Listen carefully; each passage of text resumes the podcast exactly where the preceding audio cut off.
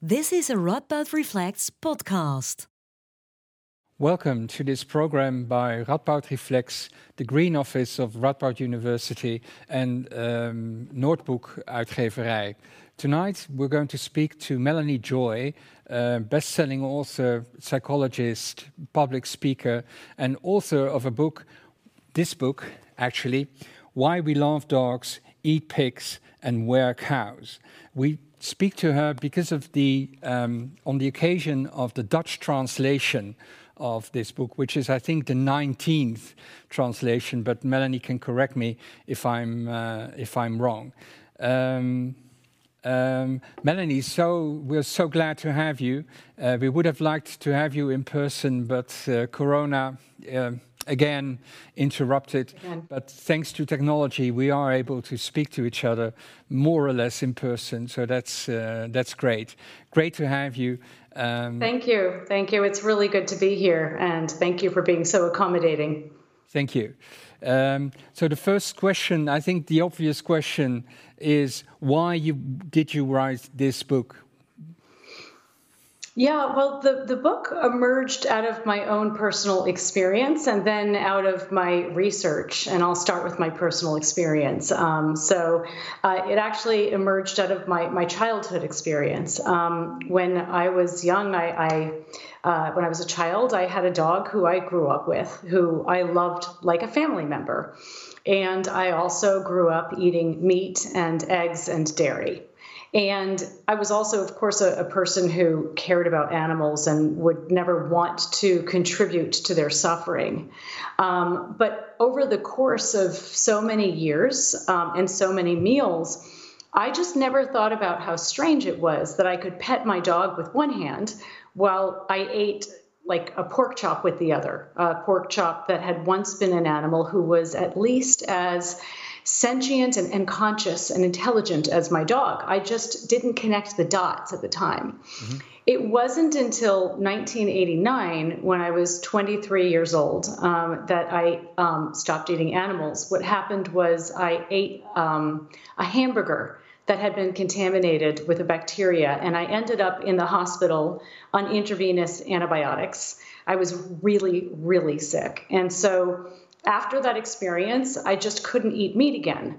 Um, and it wasn't because of any conscious ethical decision. I was just disgusted by meat. And so, in the course of learning how to cook for myself, my new diet was vegetarian at the time.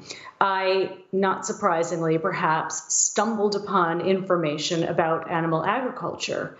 And what I learned shocked and horrified me. I could not believe the extent of the suffering and the harm that was being inflicted on non human animals and also on the environment and, frankly, on my own body as a consumer of these products. I quickly um, became vegan. I ended up meeting a vegan and I became vegan shortly thereafter. Um, but I was just shocked and horrified. But what shocked me in some ways even more than what I was learning was that nobody I talked to about what I was learning was willing to hear what I had to say.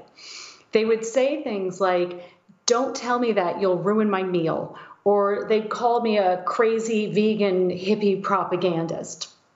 And these were my friends and my family. They were rational people. They were compassionate people. They loved our dog. They were justice minded. They were people just like I had been throughout my life when I was eating animals. And so I became very curious as to how rational, caring people could just stop thinking and feeling when it came to the issue of eating animals. And this ultimately led me to um, my doctoral studies on the psychology of violence and nonviolence broadly, and then my thesis, my doctoral thesis, which I wrote on the psychology of eating animals. And that was what led me to identify what I came to call carnism, which we'll talk about, and to write my book, which is about carnism. Okay, thank you. Uh, one of the uh, the keys in, in, the in the explanation of the, exactly the question you asked, the, the, strange dichotomy of petting animals on the one hand and eating animals and supporting a system of cruelty on the other hand. Um, one of the key uh, concepts you discuss in in unraveling this is the concept of schema. Uh, so we live with certain schemes, certain schemas in, in, in, in our head. Could you explain that a little bit more, what you mean by that? Sure. A schema is basically just a mental framework, right? We have schemas are what our minds create in order to give us shortcuts as a way to manage all of the massive amounts of information that we uh, are exposed to every day. So, you know, for example, when you hear the word nurse, you know, chances are somebody immediately comes to mind, you know, probably a woman, even though many work nurses aren't women today, but mm-hmm. probably a woman who's dressed in a certain uniform who's in a hospital setting. You don't have to sit and think about that word nurse and figure out what exactly that means. Your mind has already created a framework or a mental image, essentially, of what this word refers to. And so we have schemas when it comes to eating animals. We have animals, we've placed animals in categories in our minds, right? So we think of some animals as edible, some animals as inedible. These are two different schemas that we have a schema for edible animals and a schema for inedible animals. And people don't even need to worry about this concept of a schema. Um, really, what's most important to be aware of is that we learn what carnism does, and I'll, I'll, I'll talk about, you know, more about carnism, but what this system of carnism does is it conditions us to put it conditions us to relate to those animals that we have learned to classify as edible in a very different way than we would relate to other animals in like when we didn't have a if we didn't have a schema of edible around them. Carnism the definition i use for carnism is that it's the invisible belief system or ideology i'm using these phrases these words interchangeably that conditions us to eat certain animals. Carnism is essentially the opposite of veganism. We tend to assume that only vegans and vegetarians follow a belief system.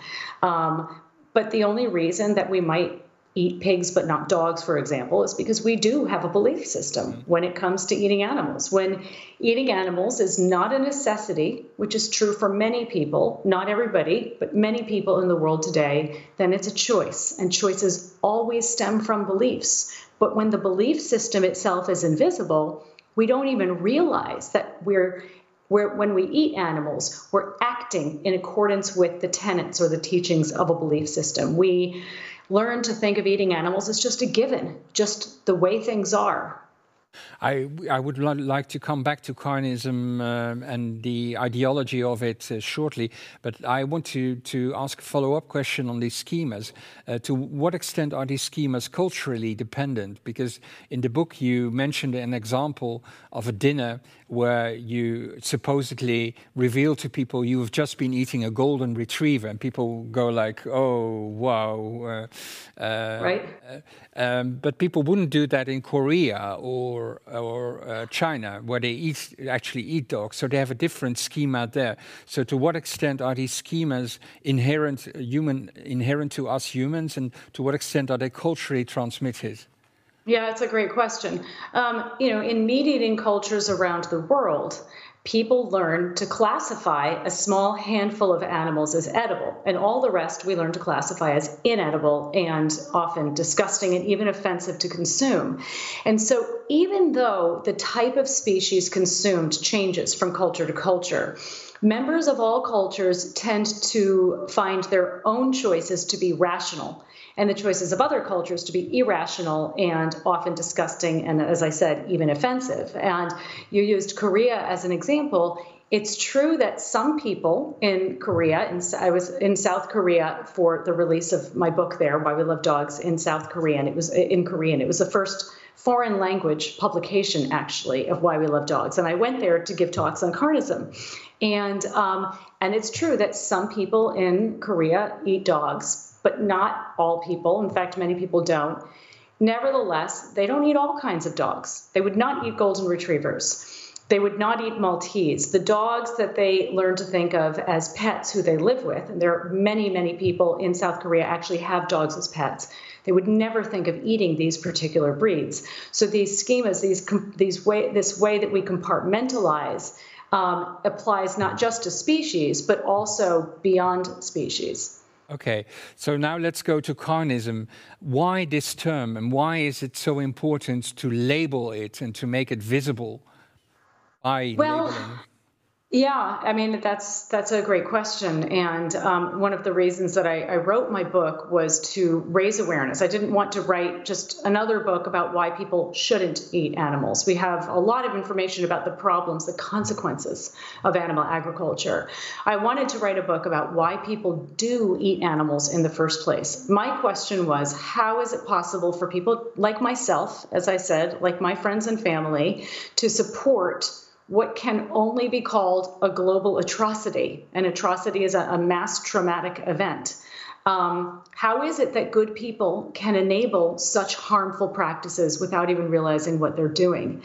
And so, the purpose of, of this book is to raise awareness because when people become aware, and, and naming carnism is a big part of raising awareness, if we don't name it, we can't often see it. If we can't see it, we can't question it, we can't challenge it. People just like myself, when I was growing growing up, nobody ever asked me if I believed in eating animals, if how I felt about eating animals. It was just a given. It was just the way things are. There was no name, there was no belief system that was identified. I was just following what everybody else was doing. So I really wanted to make the invisible visible so that people would recognize that they do have a choice and that they are making a choice when they eat animals. And this, you know, gives people the opportunity to make their food choices more freely because without awareness there is no free choice. Mm-hmm. And when you become aware of the way not just of what carnism is, that it's this, you know, system, but also of how the system operates and the specific ways that the system influences your thought processes and shapes your very preferences and feelings and drives your behaviors. When you become aware of these aspects of carnism, it gives you the opportunity to separate yourself from carnism and to make food choices that reflect what you authentically think and feel rather than what you've been taught to think and feel. Mm -hmm. uh, this ties into the next question. Uh, you talked about raising awareness, um, and you talked about why you wrote the book. Could you also um, talk a little bit about for whom this book is meant? Who is suppose who is your reader, uh, ideally uh, uh, speaking? Is it is it people that are already converted, so to speak, to the other side, to vegetarianism, veganism, or is it to entrenched? Meat eaters, or who, who, who are you talking to in the book? I wrote this book, with originally my intention was to write this book for people who were um, who were not vegan or vegetarian, um, but who I knew were people who had, you know, shared most most of us do share the core moral values of caring or compassion and, and fairness of justice.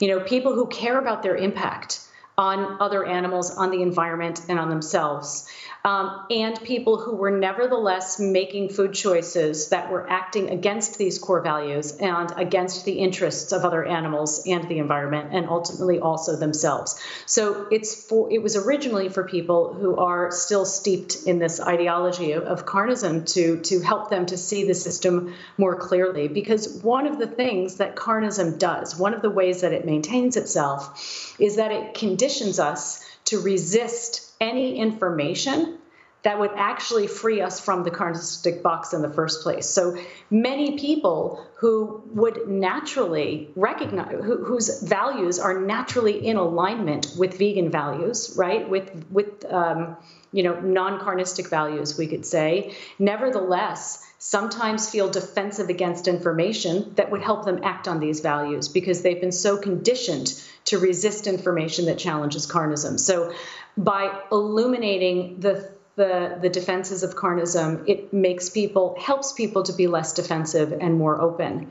And I also, um, you know, a secondary uh, reason that I had written my book was was for people who are already vegan and who struggled to understand the mentality of the people that they've been reaching out to and trying to raise awareness to. So many vegan advocates, you know, they care so deeply about the issue. They feel the way that you know most people who are not vegans would feel if they woke up one day and discovered that all of the meat and eggs or meat and dairy in the world came from slaughtered puppies and kittens and dogs and cats. They would be on the streets in moral outrage.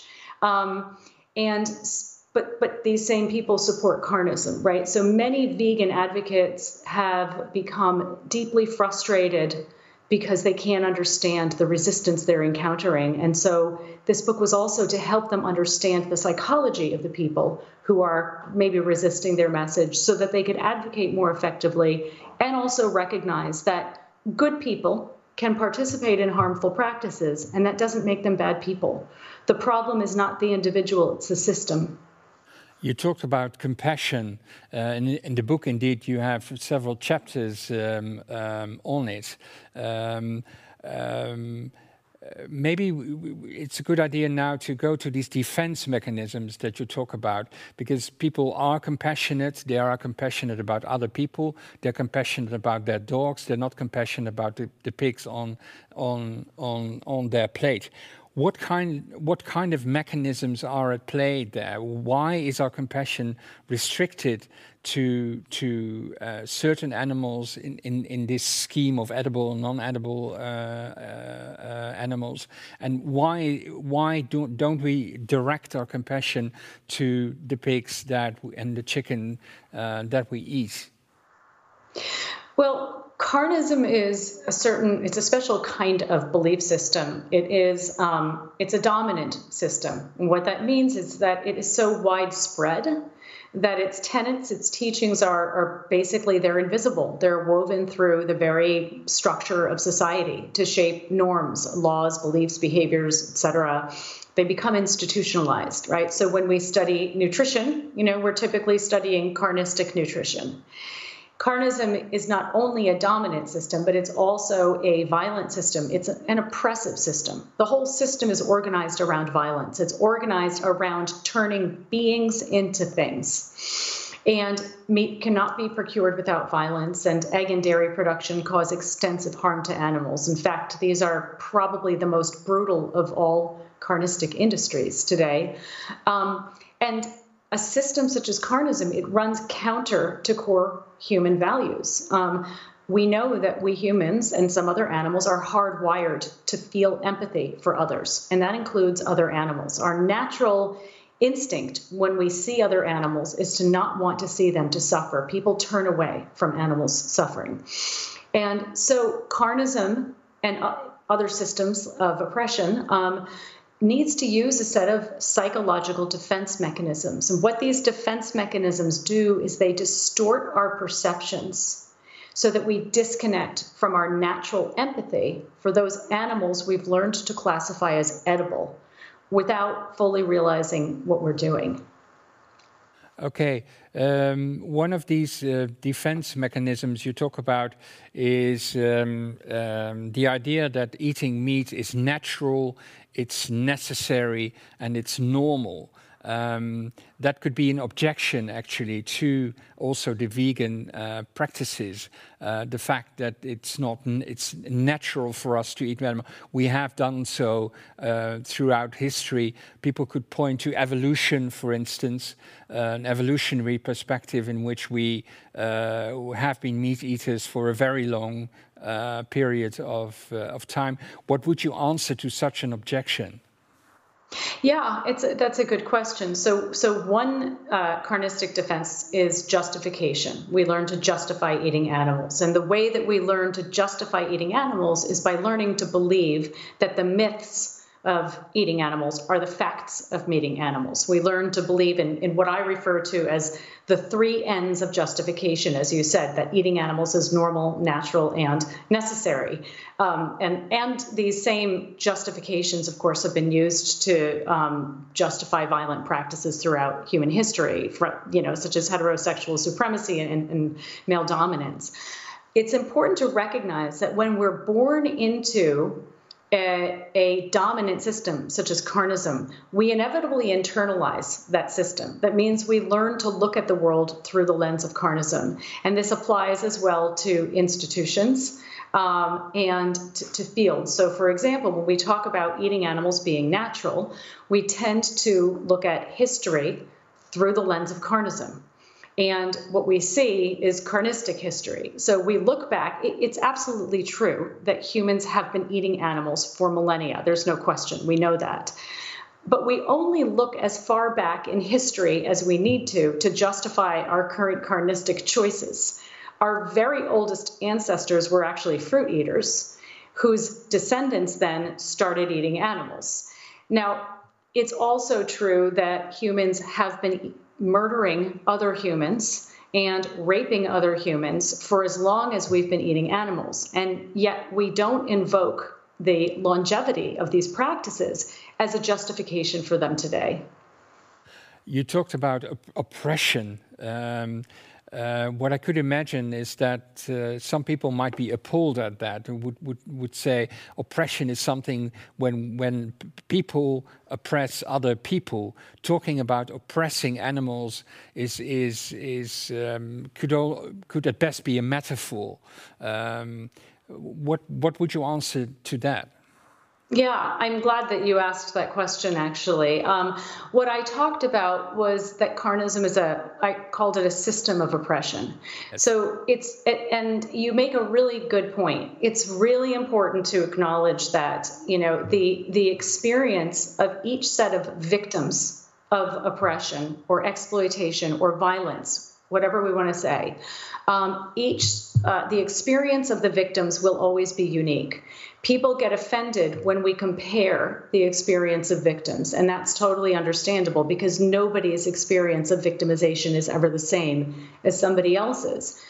However, from a psychological perspective, it's very important to recognize that the structure of these systems is the same and most importantly, the mentality that enables the violence, the oppression, is the same.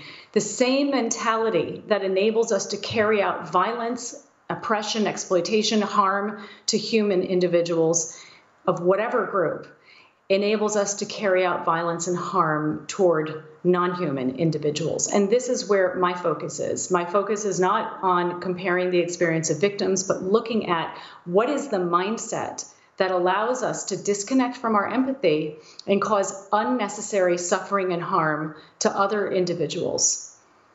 And and and so, what would you say is the the the main reason why it's so bad to cause harm to animals? Is it because animals have rights? Is it because they can suffer? Um, it have, does it have to do with the environment? What, what are the reasons for, for finding it so bad? It's such an that's an interesting question. Um, I probably the same reason that it's people would find it pretty bad to carry out harm to children or to carry out harm to older people. You know, because people who have lives that matter to them, people would. Uh, let me back up. The same reason that most people, at least in the West, and many people in the East as well, would find it inappropriate and quote unquote bad to cause harm to dogs and to cause harm to cats. Mm-hmm. You know, there's the difference between those species we've learned to classify as edible and the species we learn to love as our family members and our friends is there's less a difference between these species than there is in our perception of the species. Okay. Um, in the book, you talk about these practice practices of uh, oppression, and you also run a few statistics. Um, so I've read the 2020 updated uh, version, um, and the number you you uh, invoke is a staggering 11 billion animals being slaughtered each year in the U.S. alone. Um, I don't have the numbers for this country, but it, it's probably as bad as the United States um, uh, here. How was it to to write those passages? Because you write about the practices in in the slaughterhouses, in these CA, CAFOs, confined animal food. Um, what is it? The O stands for. Um, operations. Operations. So actually, um, factory factory farms. Um, so these are grueling statistics. It's uh, a really um, bleak picture of uh, what the meat industry actually does. How was it to write it? Because re reading it uh, gave me the shivers. I have to uh, I have to say. How was it? How was it writing that stuff? Yeah, it, well, it gave you the shivers because you have empathy, and it's hard when you have empathy to bear witness to the suffering of others, whether they're human or non-human, causes you to feel suffering to some degree yourself as well which is what I was, you know, what we were just talking about a minute ago. Why do people feel like this is not a good thing to do? We don't even have to analyze that rationally. We see someone suffering and we know they're in pain and we don't want to cause others unnecessary harm and pain. So it was it was difficult for me to write that. It was very difficult for me to write that. Um, and uh, you know and it's difficult for anybody who does feel empathy and most people do have a high enough degree of empathy to feel pain themselves when they're confronted with animal suffering.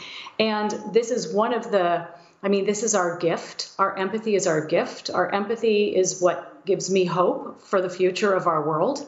Um, and our empathy is also sometimes um, a problem because we turn away because it hurts us. It, when it's painful for us to see somebody else suffering, it's easier sometimes to turn it away, turn away from that. And carnistic industry knows this and gives us the tools to make it easier for us to not pay attention, to not ask. You know, it's a don't ask, don't tell system. Could you give some examples of that, of these, of this kind of strategy? Well, I mean, you look at advertisements for for meat, eggs, and dairy, for example. You know, we have advertisements of. I mean, there's this. We have these absurd advertisements, for example, of pigs dancing over the barbecue fire pit in which their body is meant to be roasted, holding a fork and a knife, laughing at you, beseeching the viewer, you know, asking the viewer to come buy this product, which is their dead body parts. I mean, it's absolute absurdity, and we don't recognize it as absurd because we're so steeped in carnism. And it is also a distancing mechanism. mechanism. It's a way of making light of something that is actually an, a tragedy. It is a global tragedy when we look at carnistic advertising, it is advertising that is largely designed to assuage, you know, to soothe the com- uh, conscience of the consumer. The meat and eggs and dairy that make it to our plates, you know, they, they bear little to no resemblance of the individuals that they once were. They come neatly packaged, sanitized. Um, and uh, you know often people in the past people used to like you know more quote unquote red meats but people are becoming increasingly uncomfortable with the idea of seeing anything reminiscent of an animal something like blood is now a turnoff mm-hmm. um, you talked about hope um, your book ends on a hopeful note um, uh, you pl- place a lot of trust into our mechanisms of empathy and compassion. Um, um, is that is that realistic? Uh, I don't think our individuals with empathy and compassion are going to be the only solution to changing the world. We have to obviously motivate um, institutions to change, and we have to obviously use other forms of motivation as well. You know, this is why a lot of advocacy is focused on, you know, vegan advocacy, for example, is, is focused on getting companies to, you know, recognize that they don't have to lose profits when they stop producing animals. They can actually produce products that don't require slaughtering animals and still make money off of those. You know, this is why we have clean meats, for example. So I don't, um, I'm not naive enough to think that the, that empathy is going to resolve this problem or all of our problems. Mm-hmm. However, the fact that we do have empathy is motivating to enough people to take action enough to hopefully work for political reform and all kinds of other reforms. Um, um, I, I, I was wondering in, in the book, um, one of the steps I, I, I would say towards uh, a non-meat free world um, is um, the production of humane meat, um, uh, humane methods of uh, animal holding, biological organic meat. In the, in the book, you're very harsh about that. Um, there are a few passages in which you speak about it and you um, maintain that this is actually supporting the system of carnism. It's not something that is leading out of the system. Could you dwell a little bit on, on, on that? Why are you being so harsh on, mm-hmm. um, on that, on that issue? I wouldn't classify my characterization as harsh. Um, I, I do believe, you know, there there are some uh, advocacy groups that are doing great work, you know, working to using reforms as a means toward, um, you know, limiting the amount of animals who are being produced, for example. Um, at the same time, what, what I point out in my book is that um, this idea of humane meat, it's, it's a contradiction in terms. And the way to recognize the contradiction in these terms is to, again, step out of the carnistic box, right? So most people would consider it cruel to slaughter a happy, healthy golden retriever just because we like somebody likes the way her legs taste. And yet, when the exact same thing is done to members of other species, carnistic industry wants us to call that humane. It only seems humane when we think of it in when we are looking at this through the lens of carnism. This is simply another form of carnism. Now, I also recognize that. Um, you know that that many people, I believe most people probably, who have uh, have decided that they want to eat animal products that come from animals who were not raised in factory farms, for example, are doing so because they care and they're trying to do less harm. I would encourage people, nevertheless, to try to reduce the amount of carnistic products they're eating rather than simply change the type of carnistic products they're consuming. And I do believe that that uh, eventually, when we have stepped out of this mindset, we will see the kind of bizarreness of this concept of humanely slaughtered individuals. Okay, uh, but ne- nevertheless, um, I would think that in when I'm in the um, in the supermarket um, and I have as a, an alternative as as uh, suppose suppose I am a meat eater, uh, I have the alternative between the the regular meat produced by the meat industry that the practices of which you describe and this humane meat. Um, uh, I, I, and I choose this humane meat, then I let my compassion um, a little bit speak a little bit louder, so to speak. So this could be a step on the way to to um, ending the, the the awful practices that you you you you speak of. Despite the fact that indeed humane meat, philosophically speaking, is a contradiction in in in, in terms, but it, it, it is different. It, it, it's a different set of practices. In any case, we, you don't have these factory farms um, in, in this system, in the system of humane meat. How do you think about that? Yeah, I mean, well, I would say a couple of things. First of all, I do agree with you that most, and as I said, that people who want to make this choice are doing so from a place of concern, and and that's a good thing. Like I'm I'm grateful that enough people have become concerned enough that carnistic industry had to try to create something that seems better. And, um, you know, but a couple of things to that. One is that it's not that there are only two choices for consumers, either factory farmed meat or humane meat. There's lots and lots of other alternatives, and um, there are plant based alternatives that are pretty much almost identical to, to meat now. So it's it, we're living in a time where we're not really trapped between two options and we have to choose the lesser of evils. Mm-hmm. Um, to your point, however, you know, where you talk about, well, isn't this doing less harm? It depends, right? Because when it comes to if you were to choose between two types of animal products, it really depends because the many of the um, so-called farms in which animals are treated more humanely um, nevertheless suffer quite significantly. And often, certainly in the United States, and I'm not sure if it's the same in the Netherlands, but um, animals are sent, they're all sent to the same slaughterhouses. Yeah. But I think, like, you know, really what I encourage people to do is to, you know, learn about it. If, if you're curious, if you really do want to do less harm, there are so many alternatives, and perhaps you will land in your mind and say, okay, these meats are the best I can do right now in my life. Mm-hmm. Um, but learn about it, get informed, find out where those animals are coming from, and ask yourself, I, you know, how how plant based can I make my lifestyle? And I always encourage people to really not think that you have to, you know, that either you're vegan and you're part of the solution or you're not vegan and you're part of the problem. That's, I think, a problematic way of thinking. I always encourage people to, you know, really try to just see carnism and veganism on a spectrum. Where you are on that spectrum is in some ways more important, uh, where you're heading on that spectrum is in some ways more important than where you are. And so just ask yourself at each meal, you know, how can I be as vegan as possible? And, you know, my friend Kathy Freston, and another writer, says think of it as crowding out rather than cutting out foods. Add more plant based foods to your meals, and then you'll have less room for animal based foods. Okay.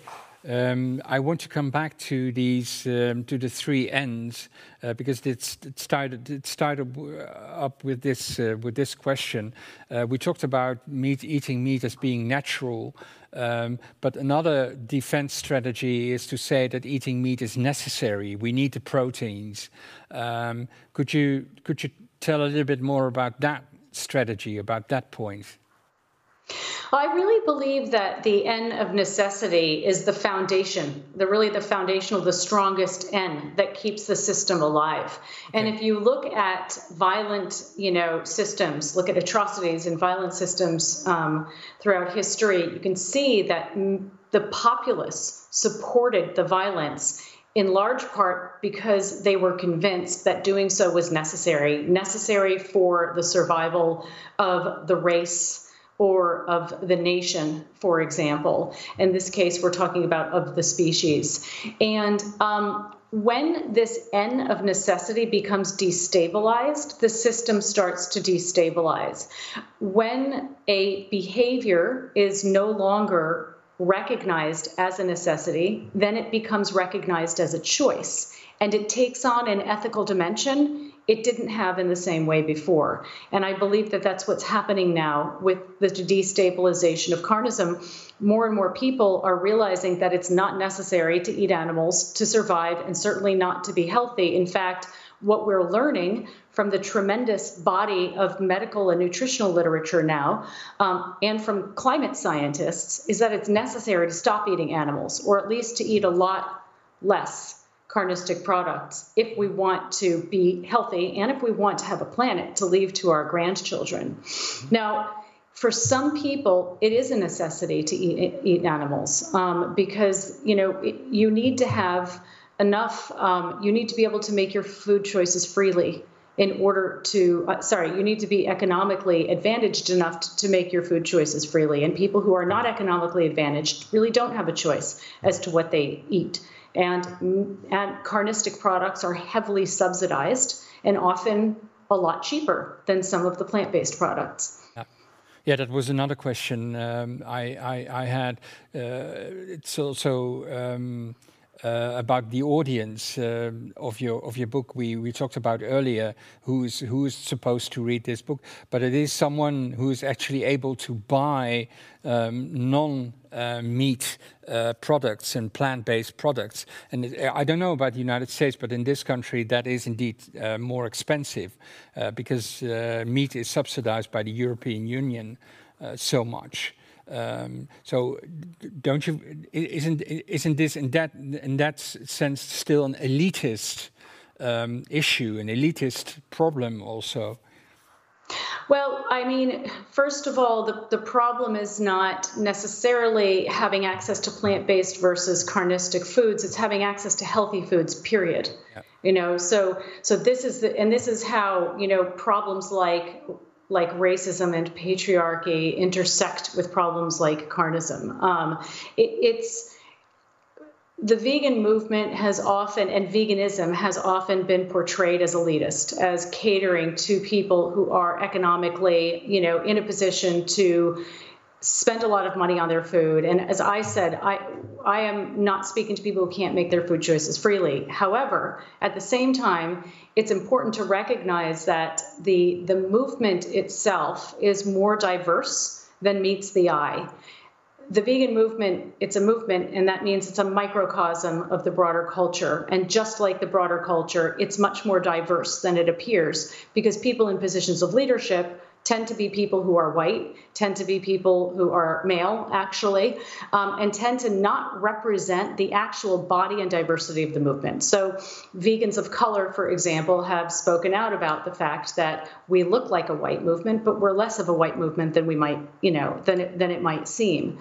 So, I think, you know, you you ask a very important question, and these are questions that we need to continue to grapple with. I think it's very important when we're messaging around food choice, to be mindful of the fact that not everybody can make their food choices freely, as I've said, and at the same time to to not just focus on you know the expensive vegan meat replacements. Those are expensive but some of the people in the world who have um, you know who who eat the simplest are already eating vegan foods. They're eating beans and rice and vegetables for instance. Mm-hmm. Mm-hmm. So there are alternatives. Absolutely. Yeah. yeah. I think it's time to turn to the audience. Let's see whether there are questions. Um, I have to open this up. I don't see any questions yet. Um, so I asked the audience to, uh, you can ask your questions through Mentimeter. Um, I think the, the code was projected, so you can ask uh, your questions through uh, entering the code, and then Melanie can answer your questions. Um, um, I, uh, talking about all of this, I, I, I, am a philosopher. I'm asking. I'm going to ask a little bit of a philosophical question. Um, there seems to be a strange dynamics in, in this whole carnistic um, uh, system um, of um, visibility versus invisibility. So, on the one hand, um, the system wants to make itself invisible. Uh, we don't want we, we don't want the public to see these factory farms. We don't want to see what's going on in the slaughterhouse in the slaughterhouses. On the other hand, there is the promotion of meat, saying that it's necessary, etc. That seems to be a bit of a, a, a conflicting a conflicting dynamics between visibility and invisibility. What do you think about that?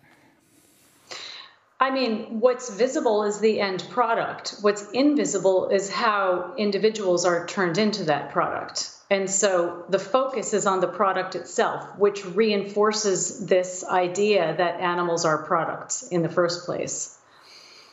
Okay. Um, in the meantime, we have questions. Um, um, you don't mention fish and seafood. Is that on purpose? Uh, I in my book I certainly do mention yeah. fish and seafood. Yeah. Absolutely, uh, it might be a language issue also because when I talk about um, fish, you know, fish I fish is a form of meat. Yeah, and and uh, but if you talk about the system of cruelty and so on, do, does that include actually the fishing uh, practices in your view? Absolutely. Absolutely. And I have a section in my book describing the cruel practice. And in fact, of, of how fish and other um, aquatic animals um, are turned into meat um, uh, for, for consumption, for human consumption. Um, yeah, and in fact, uh, for people who want to start reducing, you know, or being as vegan as possible, um, you know, one of the most impactful things you can do is actually to reduce your consumption of fish. Um, and of chickens, because in terms of the number of individuals consumed by an individual consumer, um, it's much higher when you're talking about the smaller animals. You know, so one one person consumes many more fish in a given year than they would um, cows, for example, because it, you know ca- cows are much larger. Yeah. Next question. Um, I think this is an interesting question, and certainly for a psychologist. How do you start talking about veganism to carnistic friends and family? I think this is um, um, a real problem. Uh, could you could you tell a little bit more about that? Yeah, it's a great question and it's a challenge. And um, I have. Uh, we have at um, carnism.org, we run, my organization Beyond Carnism uh, runs the Center for Effective Vegan Advocacy. And we have courses and we have trainings we have webinars, we have books, all sorts of materials that address this very issue, which is a great issue. And one of the reasons it is challenging is because carnism becomes internalized and the defenses become internalized. So vegans who are trying to raise awareness can find that as soon as they open their mouth and say, I'm vegan, they're hit with this wall of defenses. Um, and so, one of the things that I would recommend to everybody, vegan or not, is to learn the principles of effective communication. Because, um, you know, underneath this difference between veganism and carnism is a relationship between people. And that's where our focus needs to be. Um, uh, my newer work actually focuses on building relational literacy. Relational literacy is the understanding of and ability to practice healthy ways of relating. And this is really fundamental if we hope to help create a better world for everybody all of us need to learn to not only communicate effectively, but to learn how to relate in a way that is healthy so that our movements become healthy, our communication becomes more effective, um, and the change we're working toward is also healthier. So I would say I actually have my book, Getting Relationships Right, is a one stop guide to building relational literacy. And we have a lot of free resources as well on our website. But I would say get informed and re- learn about the psychology of carnism so you understand the defenses. So when these defenses come up, you can see them for what they are. Very often, vegans get tr- stuck in this battle of defenses. But what about the animals? But what about this? But what about that? And it turns into a debate rather than a conversation. And if you're talking to people in your life that are somewhat close to you, one thing that you can do that I always actually recommend that you try to do is to um, to ask them not to become vegan because you know people need to be ready to become vegan but to become invite them to become an ally to you of what i call a vegan ally somebody who's not fully vegan themselves but they're a supporter of veganism and of the vegans in their lives. If you are close to another person um, you can't have true closeness and connection unless you understand each other's inner world. And if you're vegan you know, being vegan is probably very fundamental and important to you in your life. And you can say to the people in your life, listen, I'd love to share information with you about veganism, not to turn you vegan, but so you understand me. So you understand what the world looks like through my eyes and why I feel the way that I do. Mm-hmm. And um, and often vegans find that when the people in their lives really see them they don't feel invisible anymore and understand them and respect them when they respect you for who you are and what you've chosen. That can transform your relationship. And, and that can actually uh, lower this wall, this the defense wall you're talking about, because I think this is a common experience for vegetarians and vegans that people in their direct um, uh, milieu environment um, uh, react so strongly. They are appalled. They are um, they feel even humiliated by your food choice, which which is rationally speaking a bit ridiculous. But th this is this is how it goes.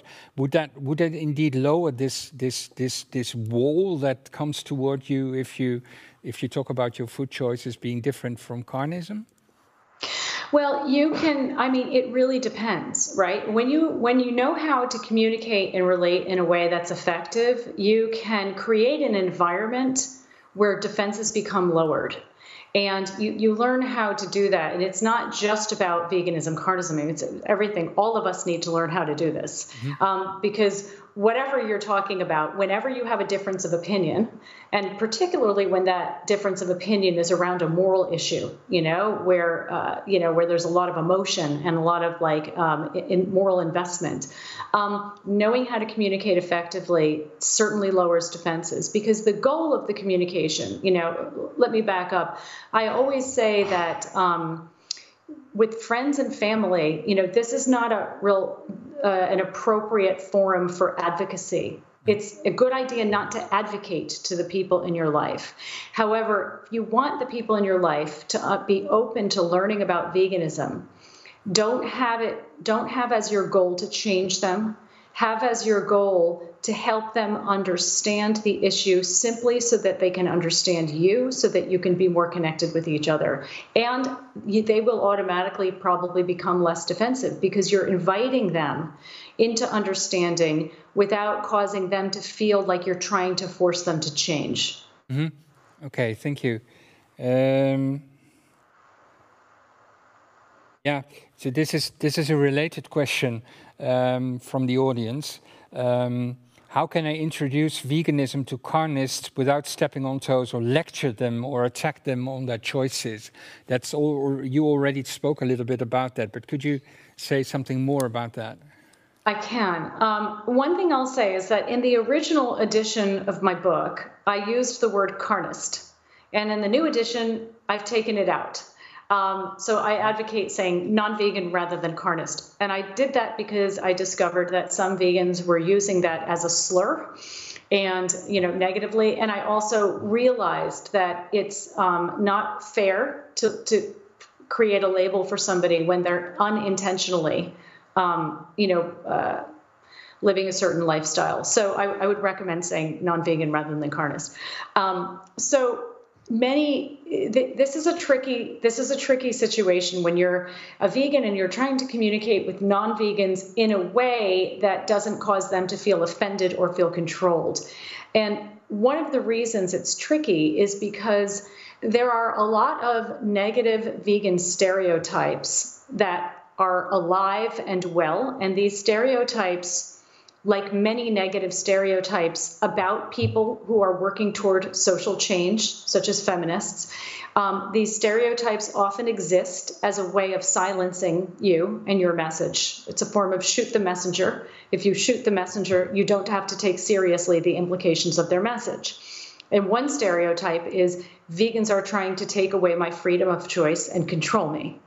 And, you know, this is also, it's a relational issue in a relationship between people where there's a power differential. When one person has more social power than the other, often, not always, but often, and you can see this, for example, in heterosexual relationships when a woman might be challenging um, a man's choices, often the person with more power feels easily controlled. Um, so it's a very tricky situation. So one thing I would say to you is again, learn about the psychology of carnism, not just about how it affects non-vegans, but how it affects vegans, because vegans internalize these messages too. Many vegans feel ashamed of asking to have their needs met because they believe that means that they're controlling or they're picky eaters or they're just demanding or it's never good enough for me as a vegan try to if you can approach the situation and just make it about you and your story not say not use the word you but use the word me and share your story and your experience and then make a request that will increase the chances that your message will be heard the way you intend it to be. So for example you might say I would really appreciate it if we could, when we go out to a restaurant, if we go to, we could go to a restaurant that's really vegan friendly, so I can have food to choose from as well. And the reason this is so important for me is because, you know, I, I so often feel alone in restaurants or, you know, just share your experience, what it's like for you, and let them know what you need. Mm-hmm. Okay, that's a great answer. Um, um, yeah, are you? This is a this is a nice question. Are you worried at all that the word the word carnism can lead to aggressive or defensive responses from carnists? You already briefly touched upon that. Uh, I find that um, I think that's a really good question. The word carnist I would not use, um, and I don't think the word carnist is, is respectful. However, the word carnism and the adjective carnistic I think are very important to use. And what I have found is that they actually reduce defensiveness because when we talk about carnism, we place the focus on the system rather than the individual. Um, you know, we say the problem is carnism. You were born into carnism. I was born into carnism. Um, so, and I think we need to use this word because I think I very much believe that it is um, impossible to have a truly objective conversation about the issue of eating animals as long as we are communicating from within the very system, the mentality of the system that conditions us to think that it's legitimate and appropriate to eat animals. It's like, how could we talk about, how could women talk about, um, uh, um, you know, um, abu- the abuse of women, you know, or domestic violence, for example, in the 1950s or whenever, I don't know when patriarchy was named, I don't remember, but before patriarchy was named. When you name a system, you know, you make it something that's not about individuals as much as it is about how those individuals have been conditioned by a system. Mm-hmm. And I also advocate using, I, I try to use carnistic rather than animal when I'm saying products, for example, or industry to stop I want to disconnect this link between animals and products um, in people's minds. And I prefer to say carnistic products, carnistic industry, carnistic agriculture. Okay. Um, this is already answered. Um, yeah, this is a question you might find difficult to, to answer. Um, do you see any differences between the USA and the Netherlands concerning carnism and vegetarianism, veganism? Um, have you any idea? Um, I can say differences in in when in Europe. I mean, and there are differences like within Europe as well, individual differences. Um, uh, the Netherlands is is quite progressive when it comes to these issues. As a matter of fact, um, some of like the, the EU has more progressive laws when it comes to animal protection or certainly farmed animal, some degree of farmed animal protection. I don't want to make it sound like anything is remotely fine here because animals are suffering here tremendously. Um, but the U.S. has has fewer laws um, or less legislation protecting um, protecting farmed animals. That's for sure. Um, the Netherlands also has is I believe the leading, if not one of the leading, but I think the leading country for clean meat initiatives. Um, you know, lab grown lab grown meat as well.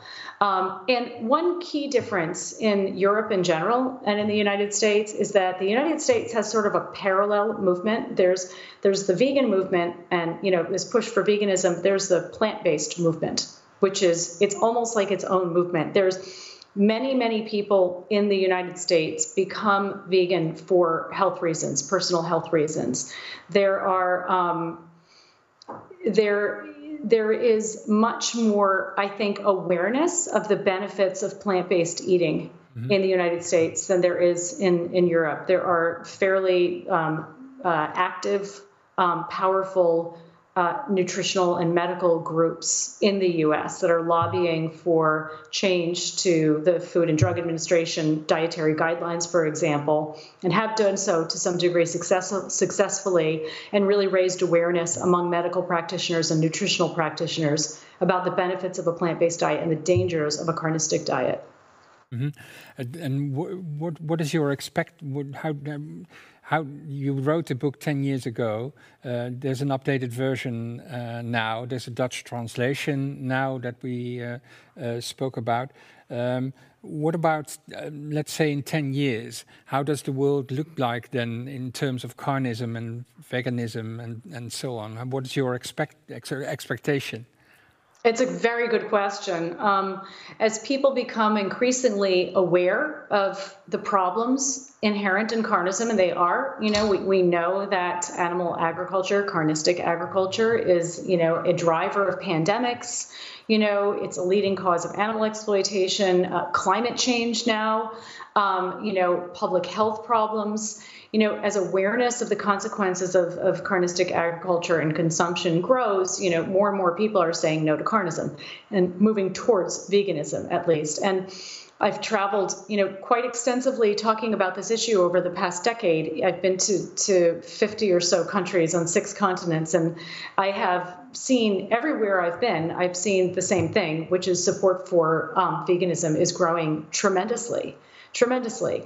And so, and, and particularly because this N of necessity, I believe, is really becoming destabilized. It's not only that people don't feel it's necessary to eat animals for protein, for example, like they used to, but it's also easier and easier for many people anyway to be eating vegan foods.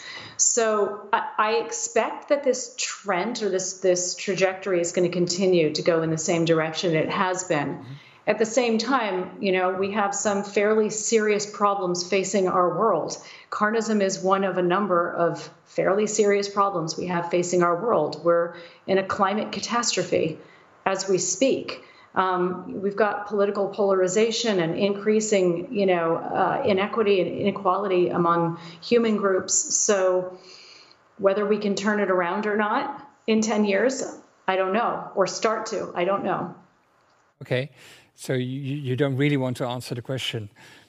No, I mean, that is my answer to the question. I don't have, because if I were to project a definitive answer to, you know, I, I, I, can't see into the future, I can say that psychologically, I can share what I've observed without making a projection about the future because I know my limitations. Mm-hmm. And what I've observed is that support for veganism is growing tremendously. And we have a lot of serious problems that we're grappling with in our world and anything there's a lot that can happen between now and 10 years that affects this trajectory that I've been witnessing. Do, do you think that the the movement towards let's say ending carnism might actually not come from um, animal rights, animal suffering, and that kind of stuff, but actually from, as you mentioned, the the, the climate crisis?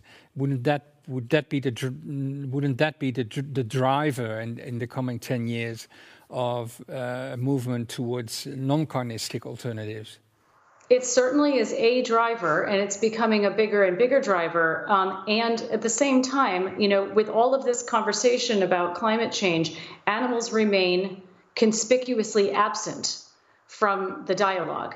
And this is obviously because of carnism, right? We have some of, you know, big groups, leading groups, leading climate scientists who are not still not talking about eating animals. It's just been very slow in coming. You know, the same way we have veterinarians who are working in slaughterhouses and not challenging this issue. It's just carnism creates these, you know, quote unquote blind spots in people. But fortunately, the conversation is starting to really include you know, a focus on animal agriculture. And people are motivated to support this movement, you know, and this change for a lot of different reasons. And that's kind of the nice thing about uh, talking about veganism in some ways. Veganism is not the solution to all the world's problems, but I believe that no solution is complete if veganism is not a part of it.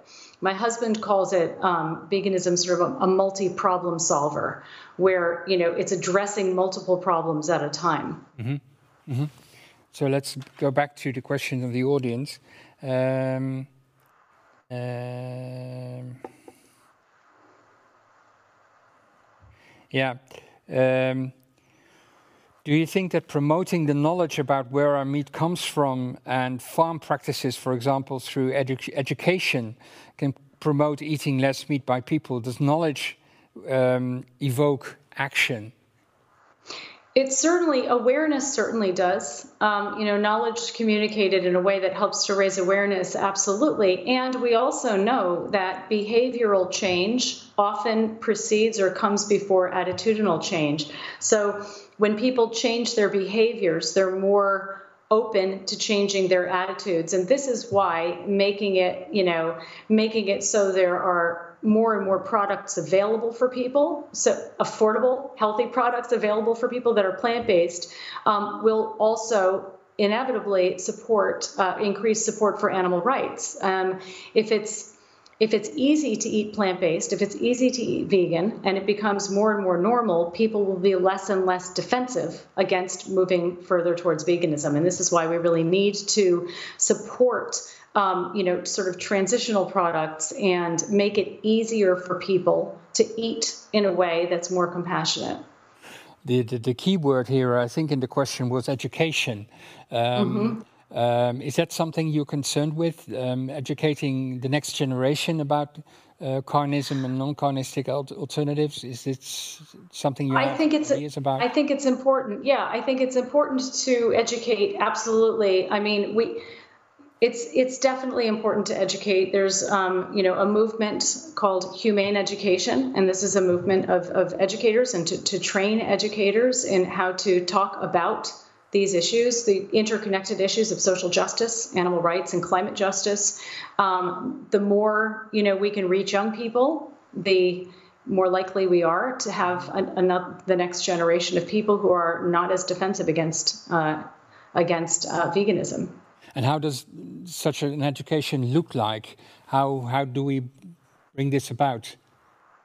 Well, I mean, the Institute of Humane Education, is a great organization. It, it, trains and certifies teachers to, to talk about these issues. It sends teachers into classrooms, but it also trains teachers so that they can incorporate conversations about these issues in their classrooms. Mm-hmm. Um, and it also, um, you know, humane education as a whole is not just about the content, what we are talking about, um, but it's also about how we teach children and young people to actually think critically.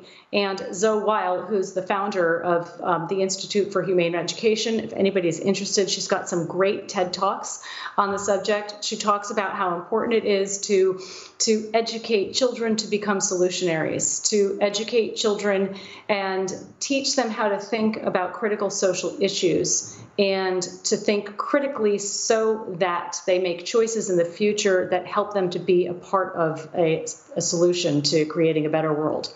Mm-hmm. Um,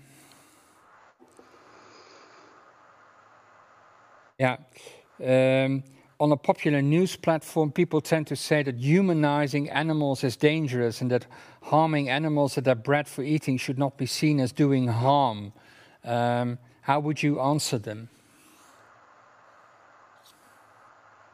Um, I probably would not answer them any differently than most people would answer them. I mean, if we if we uh, you know, recognizing recognizing animals' expressions of pain is not necessarily a form of anthropomorphizing. These same things were actually said about uh, other individuals from from human groups, various human groups in the past. You know, infants were at one point human infants were believed to not feel pain and were not given anesthesia when they were for you know they were operated on um, because there was this belief that you know adults were projecting you know, their own adult mentality onto or experience onto babies. I think we have to be very, very, you know, careful of engaging with these kinds of dialogues that are, you know, in complete uh, contrast to what um, animal behaviorists have told us and to what most people recognize and know to be facts and the truth about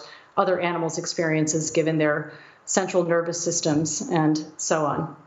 We have a professor here in the Netherlands, here actually at our university, who studies the nervous system of fish, and actually has discovered that, that fish have the most pain receptors here, exactly where the hook goes in if you if you catch them. So there's a there's a lot of evidence. There's a lot of um, scientific evidence actually for animals to be able to suffer pain, and you referred to that in your um, in your book, don't you?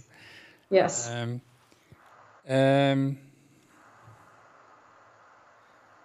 and let's see. Ah, we get a political question. Um, what's your stand on unorthodox vegan activism against the current bio industry? How do we create a better world in this carnist capitalist system? Uh, I don't really know what's meant by unorthodox vegan activism. I think that can mean a lot of different things. So I'm not sure how to interpret that so I can effectively answer the question. Um, is the uh, unorthodox meaning civil disobedience, or unorthodox Probably, meaning? Yeah. I, th- I think so. I think so. Yeah, I, I mean, it's um, my my first book is called Strategic Action for Animals, and it is about you know how, how it, it, it addresses some of these questions, right? How can we be as effective as possible, and in what situations is it appropriate to use, for example, civil disobedience? In what situations is it more appropriate to take what might seem like a more um, so-called pragmatic approach? Um, and I think you know I can't answer that with one blanket answer. Um, what I do believe is that um, anybody who is, you know, who sees themselves as an activist or, or an advocate really um, would. Uh, it, it, it, can be very, very helpful to learn about when to use what I think you're referring to as unorthodox approaches and when not to. And I'll just give you one, one example. Um, you know, when, when a movement is really young, um, and it doesn't have the support of much of the populace. Doing something that is illegal, particularly certain, you know, like uh, let's talk about property destruction, for example, um, which is not terribly uncommon, is often used against the movement and against the activists. The activists end up getting becoming portrayed as violent and in opposition to the populace when the same behavior or the same action, I should say, that's done at the later stages of a social justice movement. So when, for example, you know, like a um, a, statue of a dictator is torn down and smashed you know? If this is done in the later stages of a movement then that that is more likely to be celebrated and recognized as a you know positive revolutionary act. But when activists use the same kinds of tactics in the earlier stage of a movement often they end up being becoming framed as violent dangerous and in opposition to the mainstream I think we have slowly, slowly, we move towards the, um, the end. Um, as I said, you wrote this book more than 10 years ago. There's an updated version from 2020. Um, and now there's a Dutch translation, uh, which is the 18th or 19th translation. I, I don't know whether you. Uh, I'm not sure because there are a few actually in process right now. Yes. I, I, think it's I think it's the 18th. Yes. Um, what is um, what, what, what are you working on um, right now? What's your next project? Well, I'm running um, the Center for, uh, sorry, I'm, I'm, the founding president of the organization Beyond Carnism, and our mission is to expose and transform carnism. And, you know, we do this through raising awareness of carnism and also through empowering people who are challenging carnism and through our Center for Effective Vegan Advocacy. So we're developing a lot of new trainings for advocates um, and uh, new materials for advocates and uh, really working on uh, helping helping uh, people who want to be communicating about this issue and about other social issues. You know, people who are already working to create a better world for all beings to do this as effectively as possible because there's a lot of great passion out there in the world. And most people who become advocates get less training in how to do this effectively than we would to work at a cash register. And so, you know, with the appropriate training, people can really increase their impact significantly. So we're building out our trainings and um, making more videos and um, you know just trying to be a support um, to the people doing this really important work. Okay, thank you very much for this conversation. Thank you very much for um, for being with us, uh, though not in um, I would almost say in the flesh, uh, but uh, but uh, virtually. Uh, so, so, thanks again. Um, thank, thank you. you. much. Thank you much for, very much to the audience for watching this and for your um, questions. Um, in um, um, Radboud Reflects, the Green Office and Noordhoek Uitgeverij. Thank you very much and see you next time, one, one of our activities um, of Radboud Reflects. Thank you very much.